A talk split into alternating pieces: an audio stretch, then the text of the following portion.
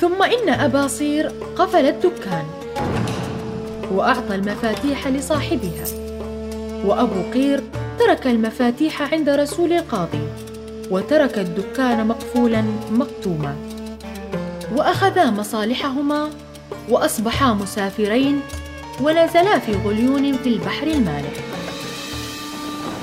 وسافرا في ذلك النهار وحصل لهما إسعاف. متحمسون لحلقات أكثر من ألف ليلة وليلة؟ ولا بإمكانكم الانتظار حتى الموسم الثالث؟